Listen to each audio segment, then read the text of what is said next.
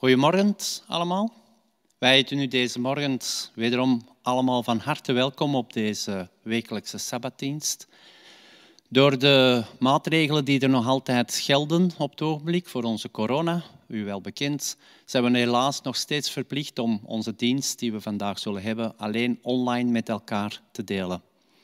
Maar in ieder geval, hoe lastig het ook is om al die maatregelen op te volgen en thuis te zitten, laat ons toch blij zijn dat we ondanks al die maatregelen op deze wijze nog steeds met elkaar kunnen verbonden zijn.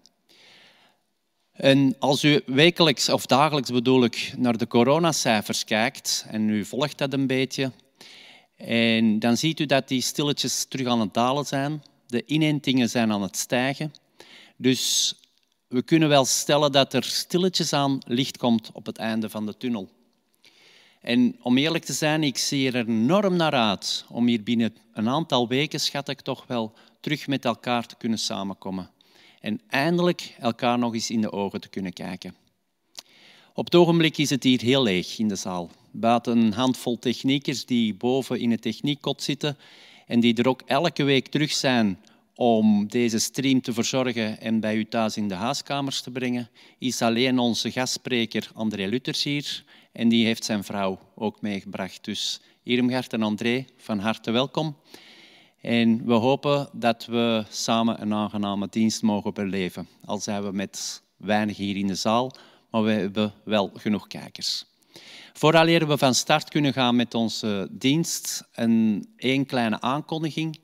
De zomerkampen van de federatie zijn volop in voorbereiding. Wilt u uw kind nog inschrijven? Eh, dan zal u wel snel moeten zijn. De vonkjes en verkenners werken op het ogenblik zelfs al met wachtlijsten. En alleen bij de preverkenners zijn er nog een aantal plaatsen vrij.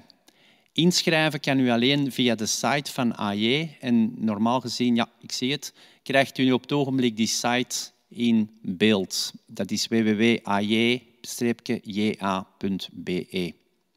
Voor alle andere aankondigingen wat betreft onze gemeente wil ik u verwijzen naar ons wekelijkse krantje Samen Onderweg.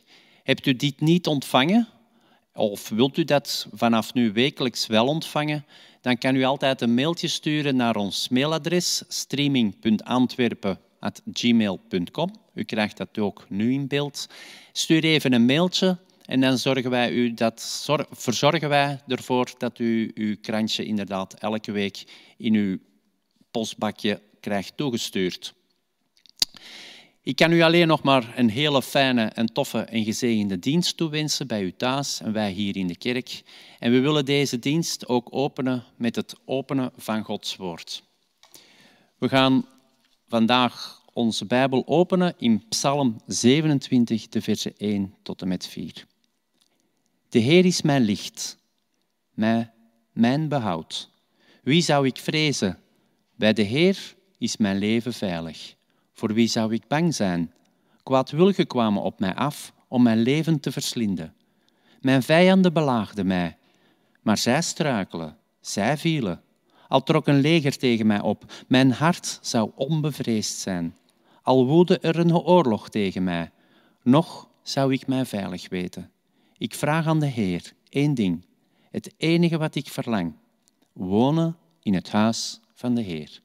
Alle dagen van mijn leven, om de liefde van de Heer te aanschouwen, Hem te ontmoeten in Zijn tempel. Ik wil u nu vragen om onze hoofden te buigen om de Heer te zoeken in gebed. Onze Vader in de hemel, Heer, we komen op deze Sabbatmorgen weer tot U om U te vragen om deze morgen ook hier in ons midden te zijn. Niet alleen hier, maar in alle huiskamers van onze kijkers thuis. Wil ons met z'n allen een fijne en gezegende dienst verzorgen.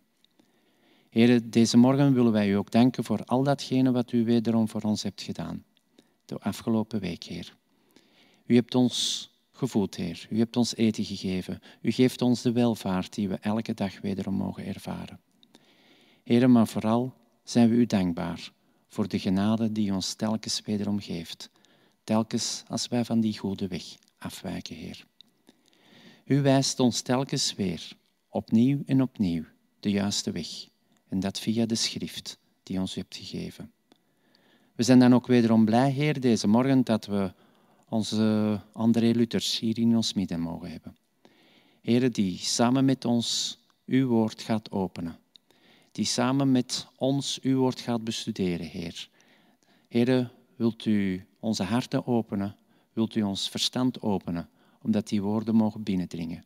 Opdat die ons mogen warm maken en wederom mogen vullen. En de nodige kracht mogen geven om de week die voor ons ligt wederom door te komen, Heer. Laat ons die woorden niet alleen voor onszelf houden, maar dat we die ook mogen doorgeven aan onze buren, aan onze kinderen, Heer, aan onze vrienden, aan onze collega's op het werk. Heren, we zijn deze morgen ook in gedachten bij al diegenen die hier vanmorgen niet kunnen zijn, Heer. U kent de reden. Ze zijn misschien ziek, ze zijn ouder aan het worden, Heer, en ze hebben niet meer de mogelijkheid om te kijken. Wilt u bij hen zijn? Wilt u hen laten weten, Heer, dat wij ook aan hen denken en dat ze zich op die manier niet zo alleen moeten voelen. Heer, we denken vooral vanmorgen aan Simon Schrol, die herstellende is. We denken ook aan Goddelief Timmermans, die moest verhuizen. En we denken ook aan Maria van Erum. Laat hen snel allen weer genezen, zoals dat we ze snel wederom in ons midden mogen, um, mogen ontvangen. Heren, deze namiddag komt de jeugd ook nog samen. Wilt u ook hen een fijne en toffe en gezegende Sabbatnamiddag geven? Dat alles vragen wij en danken wij u in de naam van Jezus. Amen.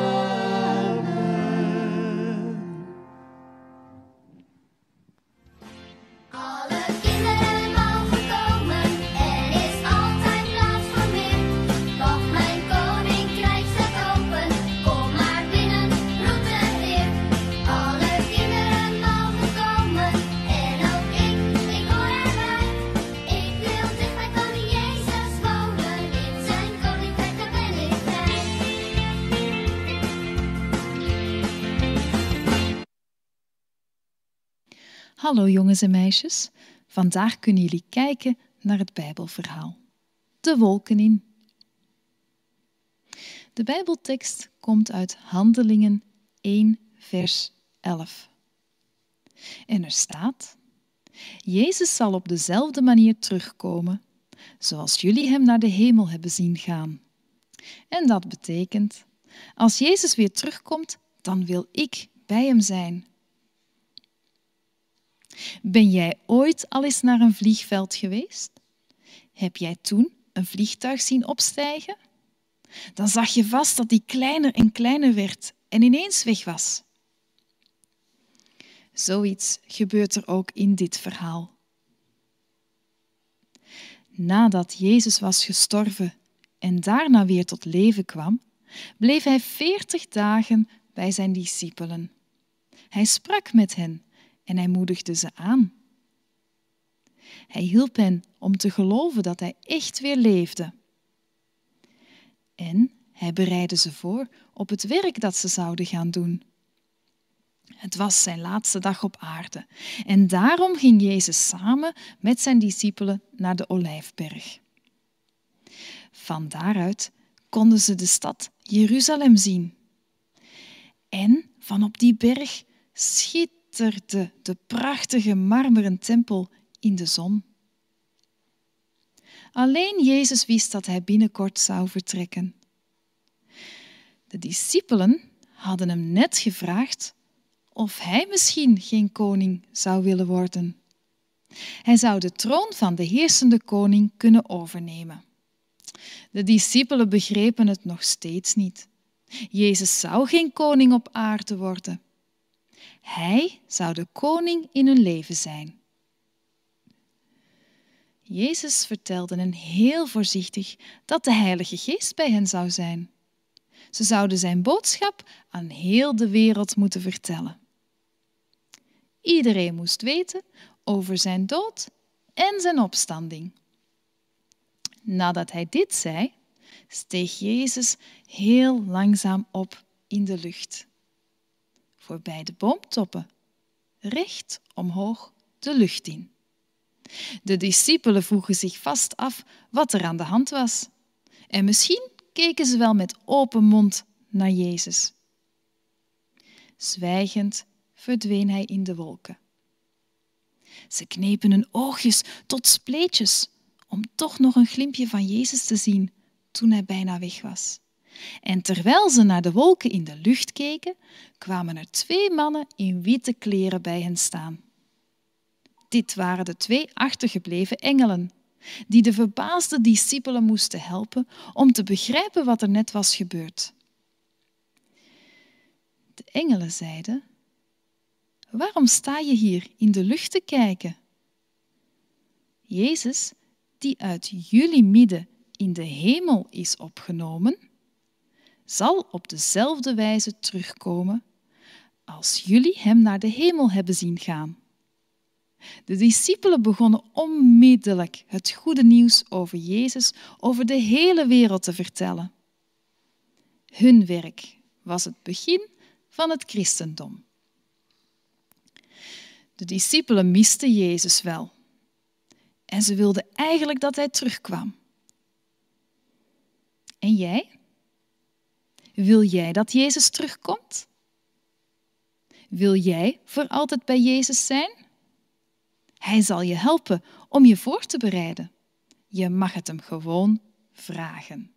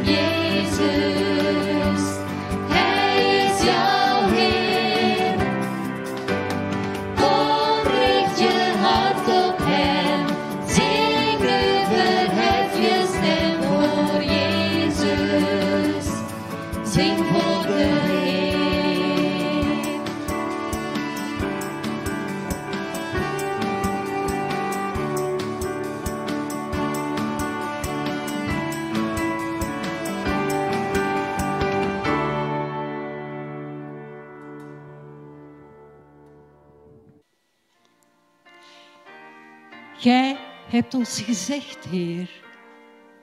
De velden zijn wit en rijp staat de oogst op de landen. Gij wilt dat uw volk aan het werk gaat en bidt met het hart, met de mond en met de handen. Wij kunnen niet veel, Heer. Wij voelen ons klein, maar toch vragen wij, laat ons uw arbeiders zijn. Gij hebt ons geboden, Heer. Predik mijn woord en ga in de heggen en stegen. Mijn huis is gereed, wie mijn uitnodiging hoort. Vervul ik met blijdschap en zegen.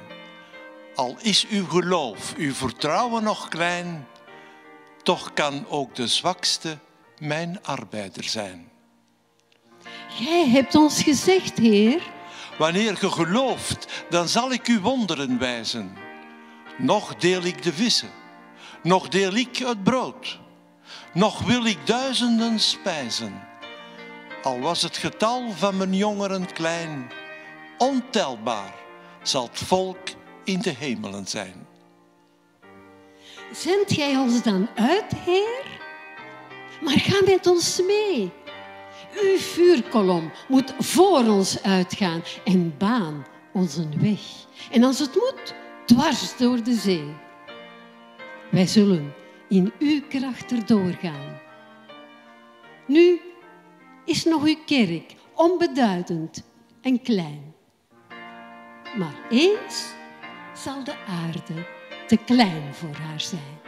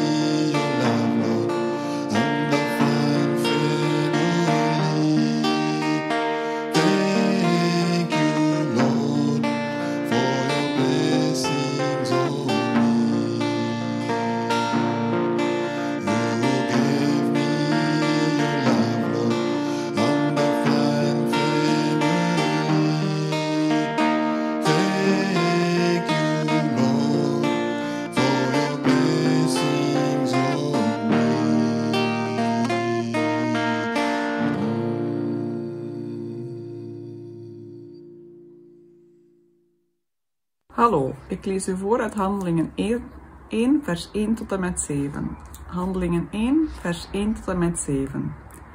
Jezus opgenomen in de hemel.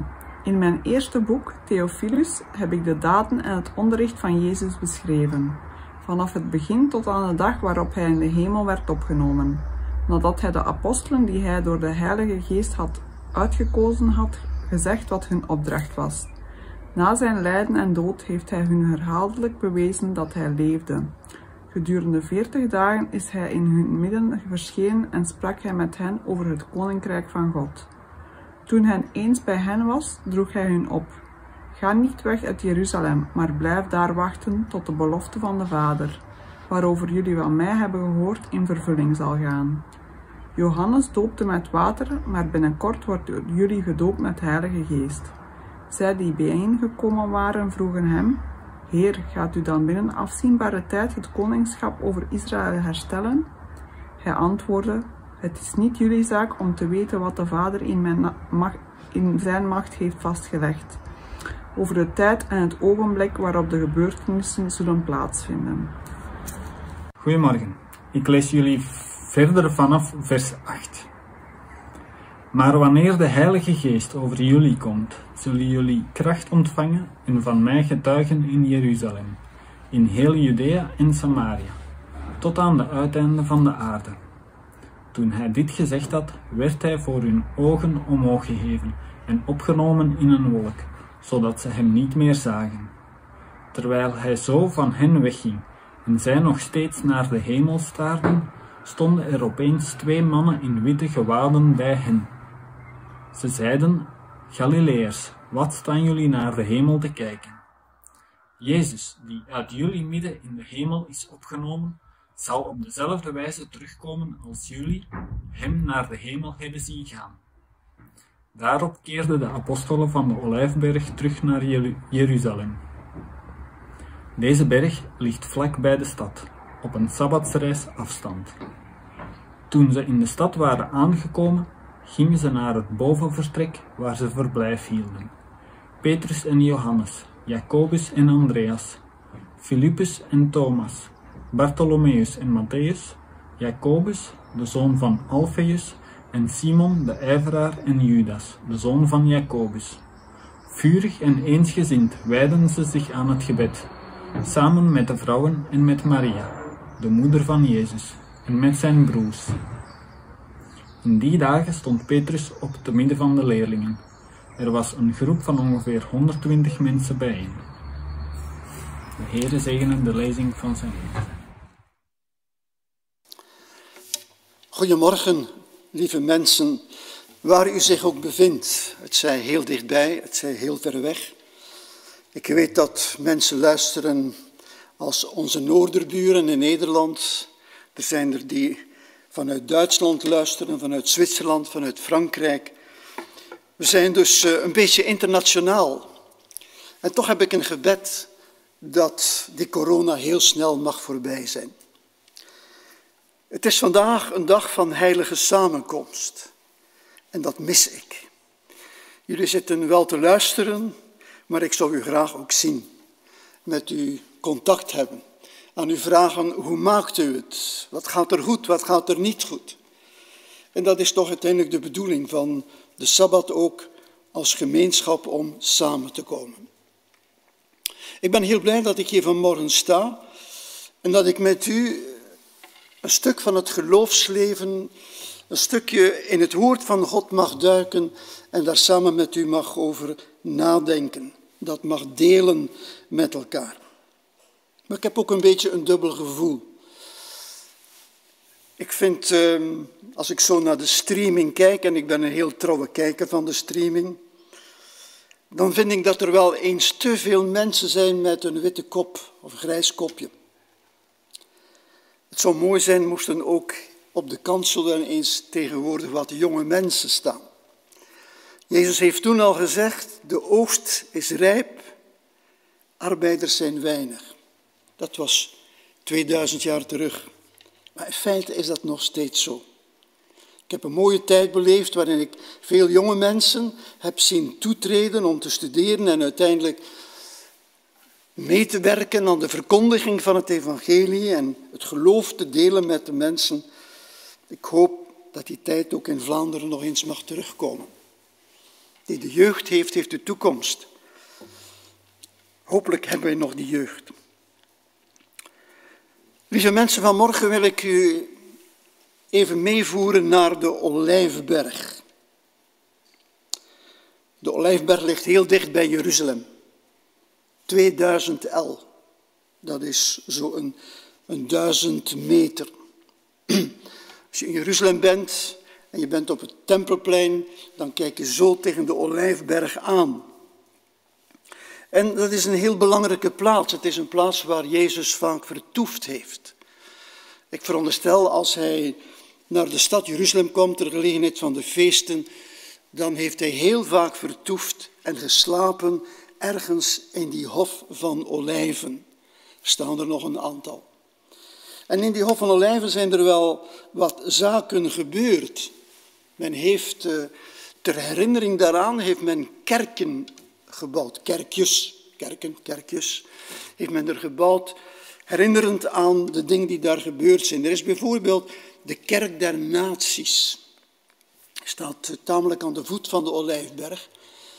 En ehm, men noemt dat de kerk der naties, omdat vele naties financieel hebben bijgedragen om de bouw van die kerk te, mogelijk te maken. En het is een plaats waar Jezus vertoefde in die bewuste nacht. Die nacht waar hij doodsangsten heeft gekend. Die nacht waar het zweet hem uitbrak, zegt Lucas.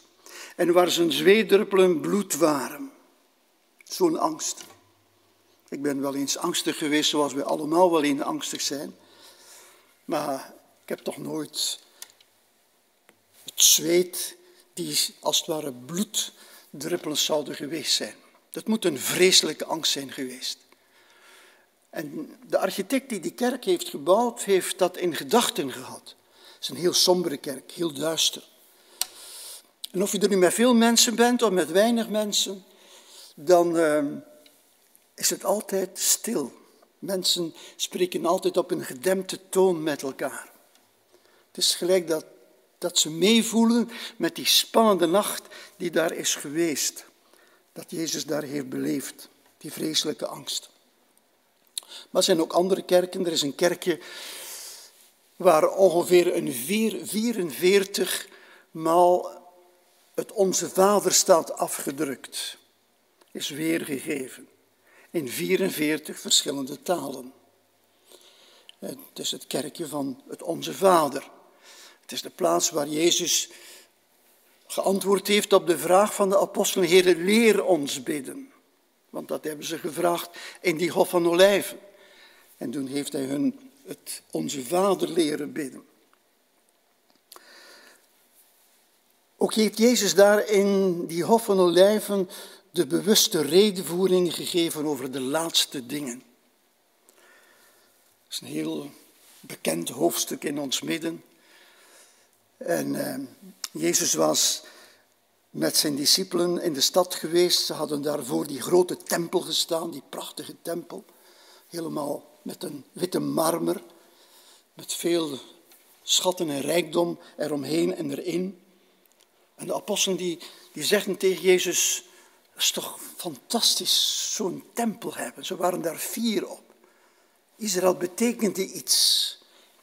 De aanwezigheid van God die daar woonde in een prachtige tempel.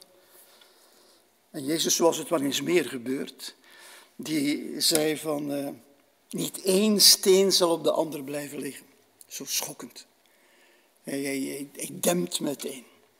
En toen ze dan nadien in die hof van olijven gekomen zijn, dan heeft Jezus, hebben de discipelen de vraag gesteld, wanneer gaat dat gebeuren? Ook dat was in de hof van olijven. En er staat nog een kerkje helemaal boven. Trouwens, als je helemaal boven op die berg bent, op de Olijfberg, en je gaat even over de kam kijken, dan heb je daar een prachtig panorama. Dan ligt de, de woestijn van Judea aan je voeten, dan heb je een hele overzicht. En als je helemaal de diep, als het helder weer is, je kijkt diep in, in de vallei, want je kijkt daar tot 400 meters onder de zeespiegel. dan ligt daar de stad Jericho. En een beetje terzijde van Jericho ligt de Dode Zee. Prachtig panorama. Maar goed, boven op die berg, op die, op die olijfberg, is dat kerkje nog. En dat heet de kerkje van de hemelvaart. De plaats waar Jezus dus afscheid genomen heeft van zijn apostelen, van zijn discipelen. En dat is het punt waar we vanmorgen even willen over nadenken. Ik heb altijd zo'n beetje een spottend gevoel als ik bij dat kerkje sta en dan ligt daar een, rots en er staan twee voetdrukken, in feite in relief. Dan moet ik altijd denken, wat een enorme stoot moet Jezus gegeven hebben om van die aarde af te, af te reizen. Beetje spottend in feite. Maar ja, dat heb je als je zo'n zo'n zaken daar stelt, dan verwek je ook wel eens uh, wat spot. Maar in ieder geval, dat is de plaats waar Jezus was om met zijn discipelen, om van zijn discipelen afscheid te nemen. Wij hebben verteld ons, Lucas vertelt dat hier in de handeling der apostelen, dat Jezus na zijn opstanding nog veertig dagen verschenen is aan de apostelen. Hij heeft niet meer onder hen gewoond, maar hij is verschenen. Hij is verschenen aan Maria, is verschenen aan Petrus. Hij is Petrus zelfs gaan opzoeken toen hij teruggekeerd was naar Galilea en terug zijn oude beroep had opgenomen. Ook aan hem is hij verschenen. Dat is allemaal in die veertig dagen. En tenslotte heeft hij ook verschenen, is hij ook verschenen aan de Emmausgangers. En hier in het verhaal dat we hebben horen voorlezen, daar is hij ook verschenen op de Olijfberg. Daar zit hij aan tafel, wordt er gezegd. Daar heeft hij als het ware een soort afscheidsmaaltijd gehouden met zijn apostelen. En ik wil wel even lezen wat Jezus daar te zeggen heeft. Onder andere in die handeling der apostelen, dan zegt hij daar in vers 4 en 5. En terwijl hij met hen aanzat, gebood hij hun Jeruzalem niet te verlaten, maar te wachten op de belofte van de Vader, die gij van mij gehoord hebt. Want Johannes doopte met water, maar gij zult met de Heilige Geest gedoopt worden, niet velen na deze. Hij zat aan. Hij zegt, blijf straks, hij heeft als het een opdracht, blijf straks in Jeruzalem, want de belofte die ik u gedaan heb, die zal dan worden vervuld. Gij zult gedoopt worden met de Heilige Geest. En dan gebeurt er iets heel vreemds. En het komt uit één mond. Niet uit één mond, maar ik bedoel meerdere mensen in, als het ware in één stem, die zeggen, Heere, herstelt gij in deze tijd het koningschap van Israël? Gaat het nu in feite gebeuren? Het is als het ware een vraag nadat ze die opdracht, het is iets waar ze in feite naar uitgezien hebben. Een hele generatie of vele generaties van Israël hebben uitgezien naar die dag dat het koningschap van Israël zou worden hersteld. En nu dat Jezus die opdracht geeft, nu zijn ze allemaal benieuwd, gaat het nu, en gaat het nu gebeuren? Toen ik dat zo las, toen dacht ik, hé, hey, dat zijn gevoelens die mij niet vreemd zijn. En ik veronderstel dat ook sommigen van u die gevoelens wel ergens zullen herkennen. Ik was nog een jonge man, ik was in Cologne in Frankrijk. En op datzelfde moment waren de Russen gekomen in Hongarije.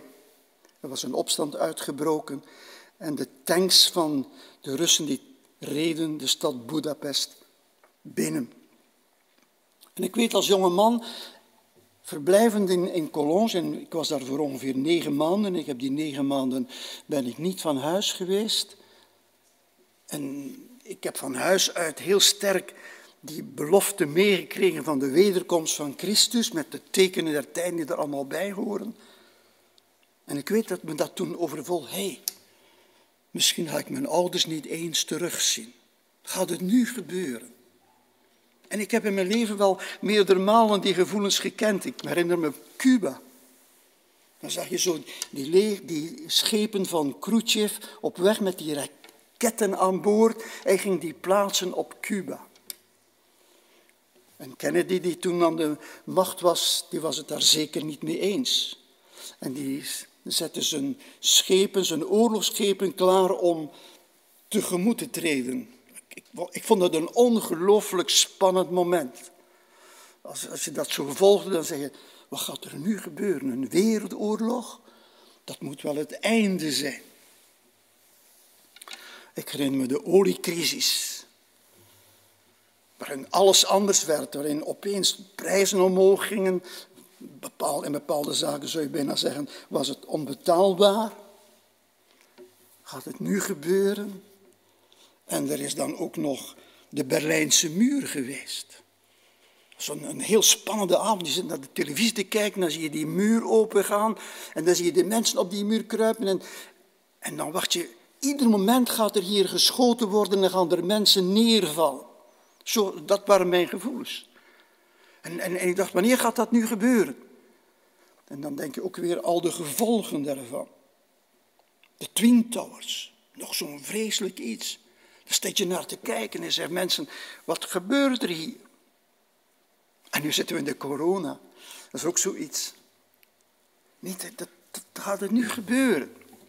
Als uh, Jezus daar op de Olijfberg zit, dan zet hij aan bij zijn, uh, bij zijn apostelen en hij zegt, je gaat naar Jeruzalem, je blijft daar, het is een bepaalde opdracht, je gaat daar niet weg, totdat mijn belofte dat ik u de troosten zal geven en gij zult gedoopt worden met de Heilige Geest. En zolang, als dat niet gebeurt, gaat u nu weg.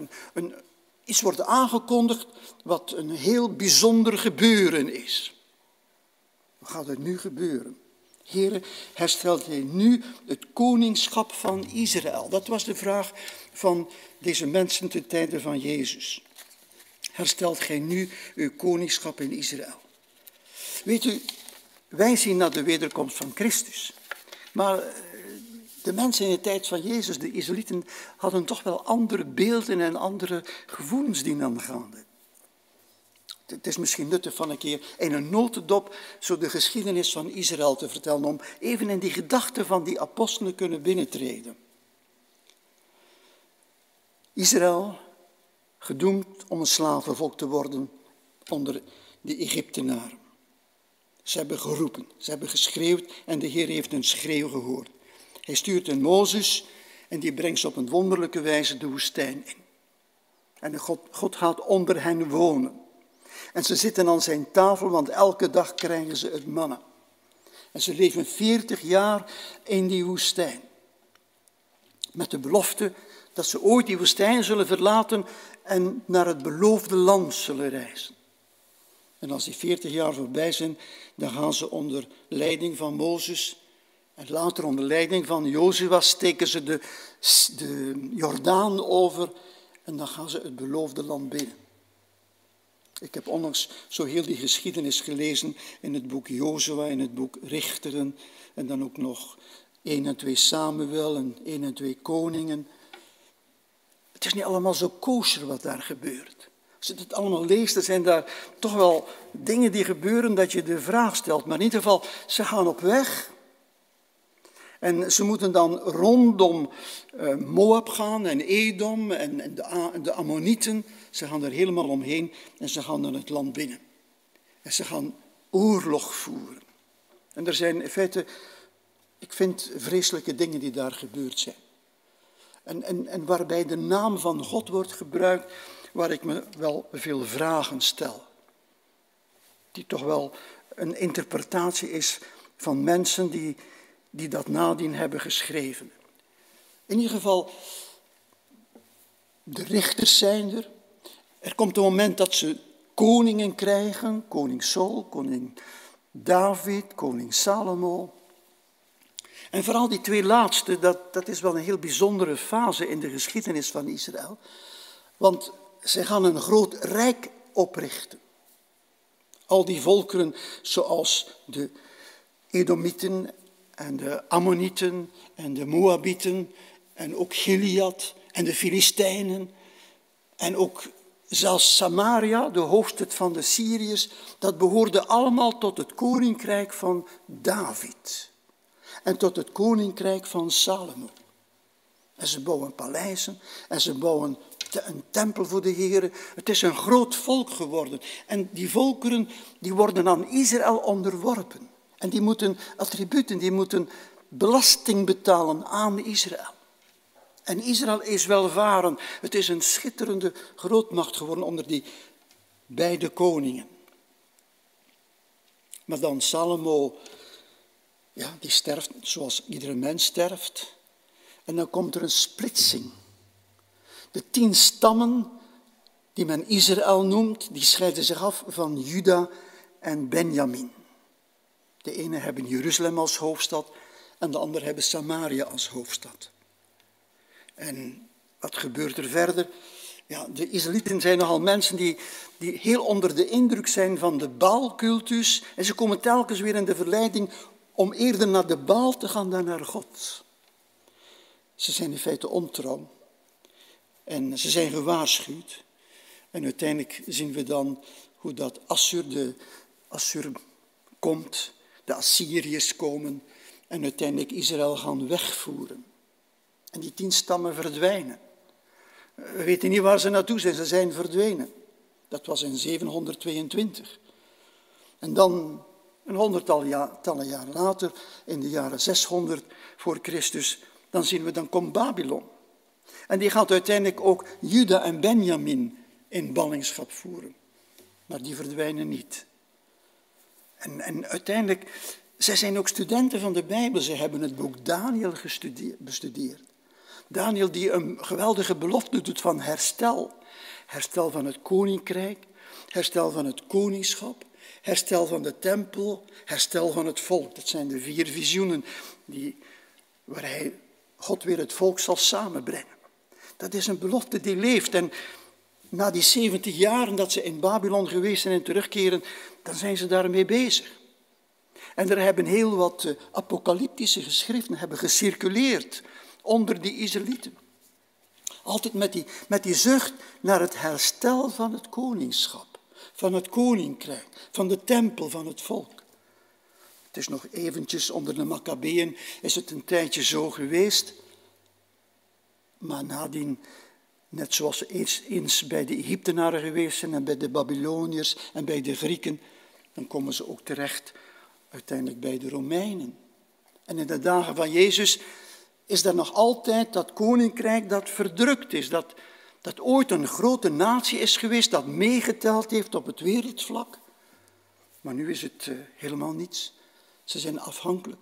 En ze dromen ervan dat dat koninkrijk zal worden hersteld. En als ze hier aan Jezus de vraag stellen, gaat het nu gebeuren? Gaat hij nu het koningschap herstellen? Dan dachten zij niet aan de wederkomst van Christus en aan de nieuwe aarde. Maar dan dachten zij aan dat koningschap van David en ook van Salomo.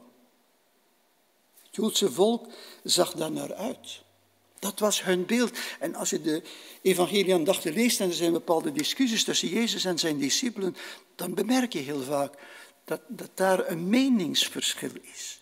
Jezus had inderdaad een ander beeld van het koninkrijk van God. Moet u maar even Matthäus 13 lezen. Daar heeft hij zeven illustraties gebruikt, zeven parabels, om duidelijk te maken wat hij verstaat onder het koninkrijk van God. Hij zegt onder andere, het koninkrijk is onder u gekomen. Met andere woorden, u vraagt me hier, wanneer zal het gebeuren? Maar, maar het is er in feite al. We werken er al aan. Het is al bezig. En dat kunt u ook uh, duidelijk zien, begrijpen als u die, dat uh, hoofdstuk uh, 13 leest in, in Matthäus. Paulus heeft het mooi samengevat. Het koninkrijk van God is een koninkrijk van vrede, blijdschap en gerechtigheid. Dat is het punt waar het hem om gaat. Jezus vertelt iets. De apostelen die daar aan tafel zitten met Jezus, die luisteren. Ze moeten naar Jeruzalem gaan, ze moeten daar blijven totdat de belofte van Jezus in vervulling gaat.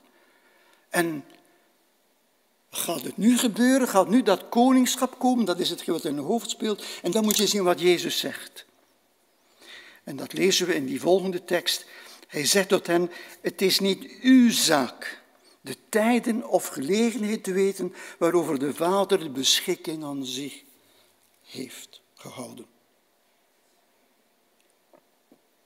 Het is niet uw zaak de tijden en de gelegenheden te weten waarover de Vader de beschikking aan zich gehouden heeft.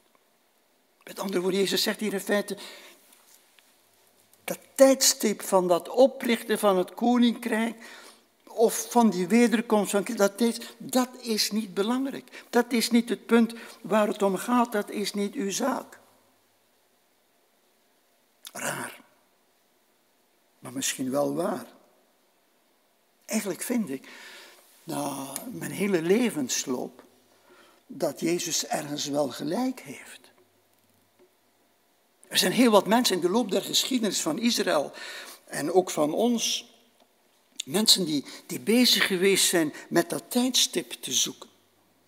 Ze hebben daar zich volledig aan overgegeven, zijn daar erg mee bezig. Denk maar aan de Essenen.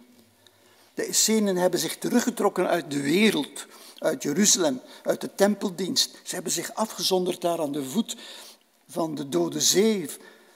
En ze hebben daar hun geschriften en ze hebben daar gestudeerd. Ook het boek Daniel hebben ze daar bestudeerd.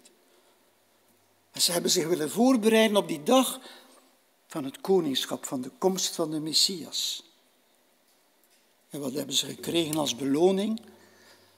Opeens hoorden ze zeggen dat Vespasianus, het leger van Rome, op komst was. Ze hebben hun geschriften verborgen in die grotten en ze zijn ze nooit meer komen ophalen. Waarschijnlijk omdat ze allemaal omgekomen zijn onder, door de legers van, van Rome. Dat was de beloning van hun wachten, het zoeken naar het tijdstip. Weet u, ik wil ook iets vertellen uit mijn eigen leven. Ik ben geboren in een gezin waar de Bijbel en de profetieën en de wederkomst van Christus centraal stonden. Vanaf mijn prille begin heb ik dat gehoord. Ik ben in feite, ik ga nu een heel vreemde uitspraak gebruiken, ik ben in feite opgegroeid als een kind zonder toekomst. Mijn vader die had eh, de gewoonte, en ik heb dat waarschijnlijk opgenomen toen ik een jaar of zes, zeven was, dat zo tijd waar je wat meer bewust wordt. En mijn vader zei altijd, het zal geen vijf jaar meer duren. Hm? Stel je voor, je bent zes, zeven jaar, dus dan heb je nog vijf jaar. En dat heb ik hem heel zijn leven, ook hij is 86 geworden. En tot op zijn dood heb ik hem dat horen zeggen. Het zal geen vijf jaar is meer duren. Hij is iemand die, die volhard heeft in zijn geloof, in zijn vertrouwen. Heeft dat invloed gehad op mijn leven? In wel. In wel. Ik herinner me wel dat ik, eh, als ik zo uh, opdracht kreeg om bepaalde formules te leren of je vocabulaire voor een of andere taal van, te moeten gaan leren van buiten en noem maar op, heel die schooltijd, dat ik dacht, wat heeft dat voor zin? Binnen vijf jaar komt Jezus terug. En dan ga ik het allemaal in één keer weten. Waarom zou ik nu al die moeite moeten doen om die formules te leren en al die dingen? Dat zijn dingen die door mijn jeugdige geest gestroomd hebben, aanwezig waren. Niet dat me dat altijd eh, achtervolgde, maar dat zijn dingen die gebeuren en die ergens je toekomst ontnamen. Dat had geen zin om een bepaalde toekomst om te, op te bouwen. Ja, Jezus, eh, of laat ik misschien dit eerst zeggen. Ik, ik was zo'n een beetje degene waarover Okke Jager in een mooi gedicht geschreven heeft. Okke Jager die, eh, die maakt een gedicht over de wederkomst van Christus. Ik, ik ken het niet van buiten, maar ik weet wel wat er ongeveer in staat. En de predikant, de dominee, die preekt over de wederkomst van Christus. Ja, amen, zegt de vrouw. Ja, zegt ze. Ik heb, maar, ik heb nu een bontjas gekocht. En u mag terugkeren, maar ik zou toch eerst graag die bontjas even dragen. Ja, amen, zegt de boer. Maar nu nog niet, want ik heb net een stuk nieuw land gekocht en ik zou daar toch nog graag eerst de vruchten van dragen. Ja, amen, zegt de jongen die aan sport doet zoals ik die was. Maar nu nog niet, want ik zou toch graag even nog genieten van die voetbal en van die sport waarmee je bezig bent. Zo, zo, zo ging het in feite. Ik hoorde onze Italiaanse, of Italiaanse broeder met Belgische roots, want hij is hier in feite in België geboren, die de preek gehouden heeft ter gelegenheid van het congres, het 100-jarig bestaan. Die ook vertelde hoe dat hij uh, evenzeer zo met, met dingen bezig was, dat hij zegt, ja, ik zou toch nog graag eerst getrouwd zijn, een keer het huwelijksleven meemaken. Ja, en als, als ik dat gehad heb, ja heer, dan mag, moogt gekomen. Het is niet aan u om de tijden en de gelegenheden te kennen. Dat is aan God voorbehouden. Ja, Jezus zegt, zegt daar iets waarvan ik in de loop der jaren me zo geleidelijk aan bewust geworden ben. Jezus heeft in feite gelijk. Dat is in wezen niet hetgene waar we, waar we moeten mee bezig zijn. En daarmee wil ik absoluut niet zeggen, lieve mensen, dat de wederkomst van Christus en het belofte van de, van de nieuwe aarde geen belang heeft. Dat, dat is uitermate belangrijk. Ik heb een, een, diep in mijn hart heb ik een wens. Ik wil ooit mijn moeder nog eens terugzien. Ik heb haar veel last bezorgd in mijn jeugdjaren. En ik zou zo blij zijn tegen haar te zeggen, moeder, het is allemaal goed gekomen. Je inspanningen zijn niet te vergeefs geweest. Maar goed, uh, dus het is voor mij wel belangrijk. Ik vind de belofte van de wederkomst. En ja, dat is, uh, dat is hoopgevend, dat is bemoedigend, dat is uh, vertroostend. Het is geweldig om te weten dat, dat dat komt. Maar het is iets wat door God bepaald wordt. Of wij dat nu allemaal zouden berekenen en doen, dat zou ons geen stap verder zijn. God heeft zijn bedoelingen en dat zijn vaak bedoelingen die wij als mensen, ik heb daar al zoveel over nagedacht, maar dat niet begrijpen. Dat is iets wat inderdaad zo gebeurt. Maar ik durf u eerlijk zeggen, ik blijf vertrouwen hebben in de belofte van God. En ik blijf zeker zijn in mijn geloof dat die wederkomst er komt en dat die nieuwe aarde er komt. Maar dat is in feite in het geloofsleven waarin wij nu mensen staan, dat is niet wat belangrijk is. Wat is dan wel belangrijk? Wel, leest u met mij even verder in, in dat uh, boek van Handelingen. Hij gebood hen in Jeruzalem, te blijven, of Jeruzalem niet te verlaten en te blijven wachten op de belofte van de Vader Johannes doopte met water, maar gij zult met de Heilige Geest gedoopt worden, niet vele dagen na deze. Jezus zegt, oké, het is niet belangrijk dat u weet wanneer.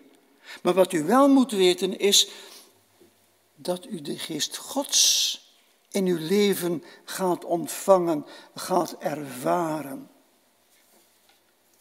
Toen Petrus in Corinthië kwam, dan was een van zijn eerste vragen die aan de gemeente van Corinthië vroeg, hebt gij de Heilige Geest ontvangen? Hun antwoord was, we hebben er nog nooit van gehoord. Dat zullen wij waarschijnlijk wel niet kunnen zeggen, maar hebben wij al wel eens ervaringen gehad met de Geest van God? Als Jezus, als je het leven van Jezus bestudeert, bekijkt, Jezus is verwekt, zegt de Bijbel, door de geest Gods. Jezus had op zijn dertigjarige leeftijd, gaat naar de Jordaan, naar Johannes, en hij wordt gedoopt met de Heilige Geest. En op vele plaatsen staat er, hij was vol van de Geest. Hij werd gedreven door de Geest. Als Jezus de Zoon van God was, dan was het omdat hij vervuld was, vol was.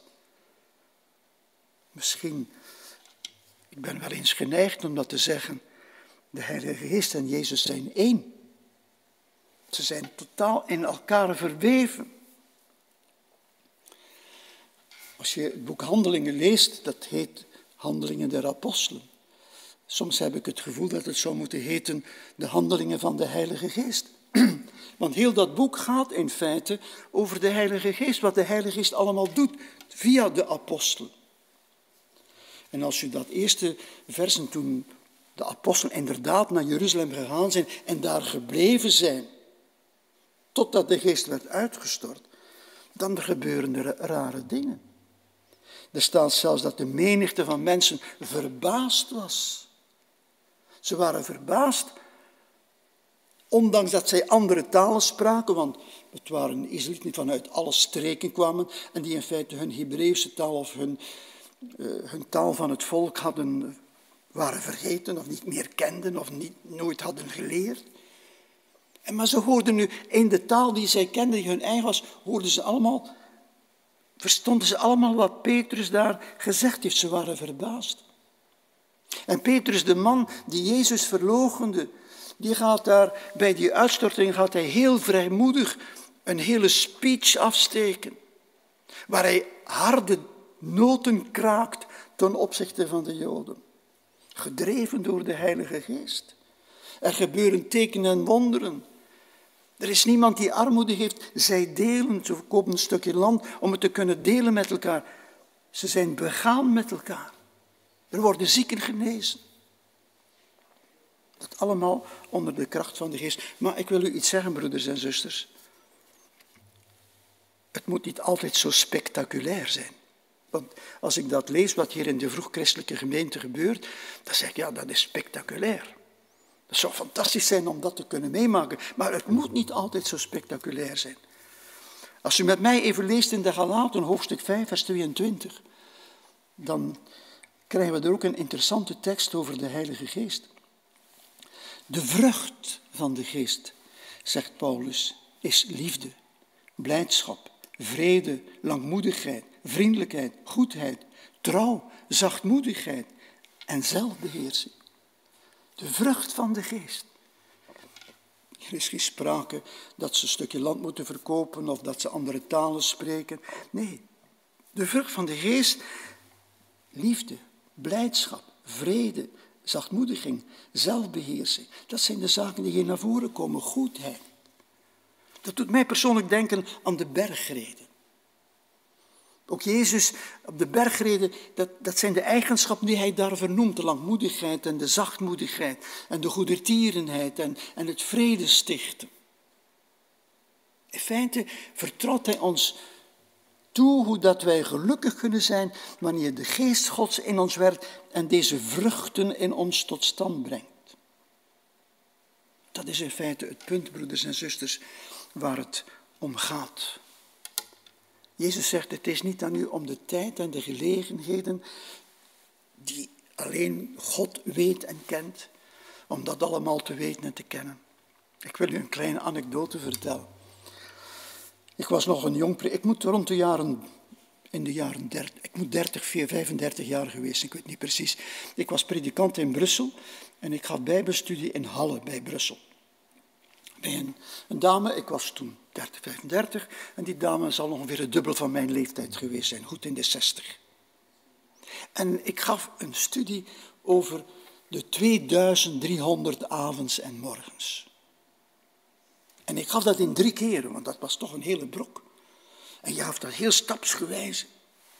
En toen ik de laatste studie gaf, dan uh, zei dat gemoedelijke dametje, die zei tegen me, Meneer Luther zegt ze. Moet ik dat allemaal kennen om het koninkrijk Gods in te komen? Dat deed mij nadenken. Ik dacht, waar ben ik mee bezig? Waar moet hier ja, een, een dametje die, die de moeite doet om het woord van God te leren kennen, maar die namelijk niet die hele kennis en achtergrond heeft, moet zij dat allemaal weten? Nee. Hebben wij de Heilige Geest ontvangen? Dat is wel van belang. Hebben wij ervaringen met Gods geest? Is Gods geest in ons leven aanwezig? Aan de vruchten zult gij ze kennen, zegt Jezus. Broeders en zusters, de boodschap van deze morgen uit Handelingen 1 is: Het is niet uw zaak de tijden of gelegenheden te weten waarover de Vader de beschikking aan zich heeft gehouden. Maar hij zegt er dan nog eens bij: Maar gij zult kracht ontvangen wanneer de Heilige Geest over u komt en gij zult mijn getuigen zijn.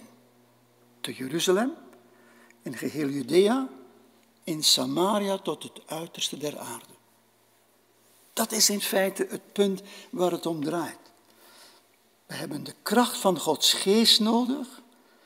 En met de kracht van Gods geest, verontschuldig zijn we in staat om, om getuigen van Jezus te zijn. Let wel dat Jezus niet zegt dat we moeten overtuigen. Maar hij zegt, gij zult mijn getuigen zijn. Te Jeruzalem, Judea. Jeruzalem lag in het gebied van Judea. Samaria, dat lag ernaast. En dan de gehele wereld. Gij zult mijn getuigen zijn in de eerste plaats bij ons thuis. En dan bij de familie. En dan bij de buren. En dan kunnen we de wereld intrekken. Maar we hebben in feite Gods geest nodig. Het belangrijkste in het geloofsleven is niet te weten wanneer Jezus Christus wederkomt. Het is niet belangrijk om te weten wanneer Hij die nieuwe hemel en die nieuwe aarde zal scheppen. Dat Hij dat zal doen, daar zijn we van overtuigd. Maar het is belangrijk te weten dat we geroepen zijn om uiteindelijk ons open te stellen voor de werking van Gods geest. Ik moet u zeggen als slot, broeders en zusters, die woorden van Jezus hebben in mijn leven een stuk rust gebracht. Ze hebben me weer toekomst gegeven, want dat is niet alleen vandaag dat ik, omdat ik dat predik, dat ik daarvan overtuigd ben. Ik weet het al verschillende jaren dat Jezus dat gezegd heeft. En dat heeft al vele jaren terug op mij invloed gehad. Ik hoop dat die zegen die ik heb ontvangen met dat inzicht, dat ook die zegen u ten deel mag zijn en dat wij uiteindelijk ons mogen openstellen voor de werking van Gods geest, want daar gaat het om. Amen.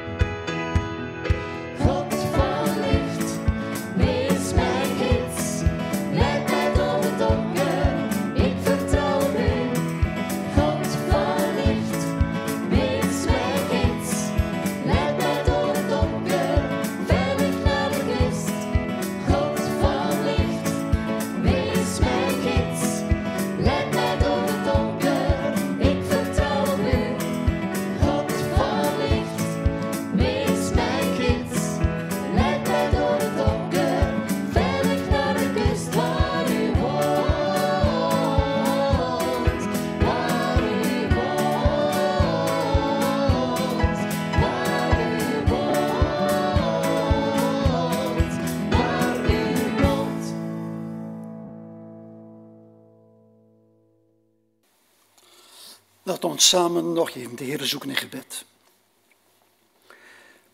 Hemelse Vader, we zijn u dankbaar. We zijn u dankbaar dat we hier deze morgen via streaming van uw woord mogen getuigen. Dat we op deze manier een gemeenschap hebben waarin wij samen nadenken over dat woord. Die laatste woorden van Jezus op de berg, op de Olijfberg. Heren, we danken u dat Hij ons zegt wat in feite belangrijk is en wat ondergeschikt is. Natuurlijk verlangen wij naar uw komst.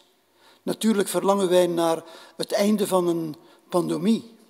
Wij verlangen naar het einde van lijden en dood. We verlangen naar dat koninkrijk dat u ons beloofd hebt. Maar we weten dat u ondertussen ook nog andere plannen hebt. Plannen met andere mensen, voor andere mensen. En dat gij ons daarvoor wilt gebruiken. Mogen wij ons bewust zijn dat we om dat werk, om van u te getuigen, dat we daarvoor uw geest nodig hebben. Ervaring met uw geest. Dat wij daarin ook de vernieuwing van ons denken mogen meemaken. Dat we op deze wijze een krachtig getuigenis mogen zijn van u. En vele mensen ook blijdschap, vreugde, voldoening mogen geven. Dat mensen weer moed krijgen in het leven. Dat is uiteindelijk hetgeen waartoe gij ons geroepen hebt. Heer, daarom laat uw geest over ons uitstorten. Vervul onze harten, vervul onze gedachten met uw geest en uw woord, opdat wij zodoende krachtige getuigen mogen zijn en mogen medebouwen aan dat koninkrijk zoals gij dat ziet. Dat bidden we in Jezus' naam. Amen.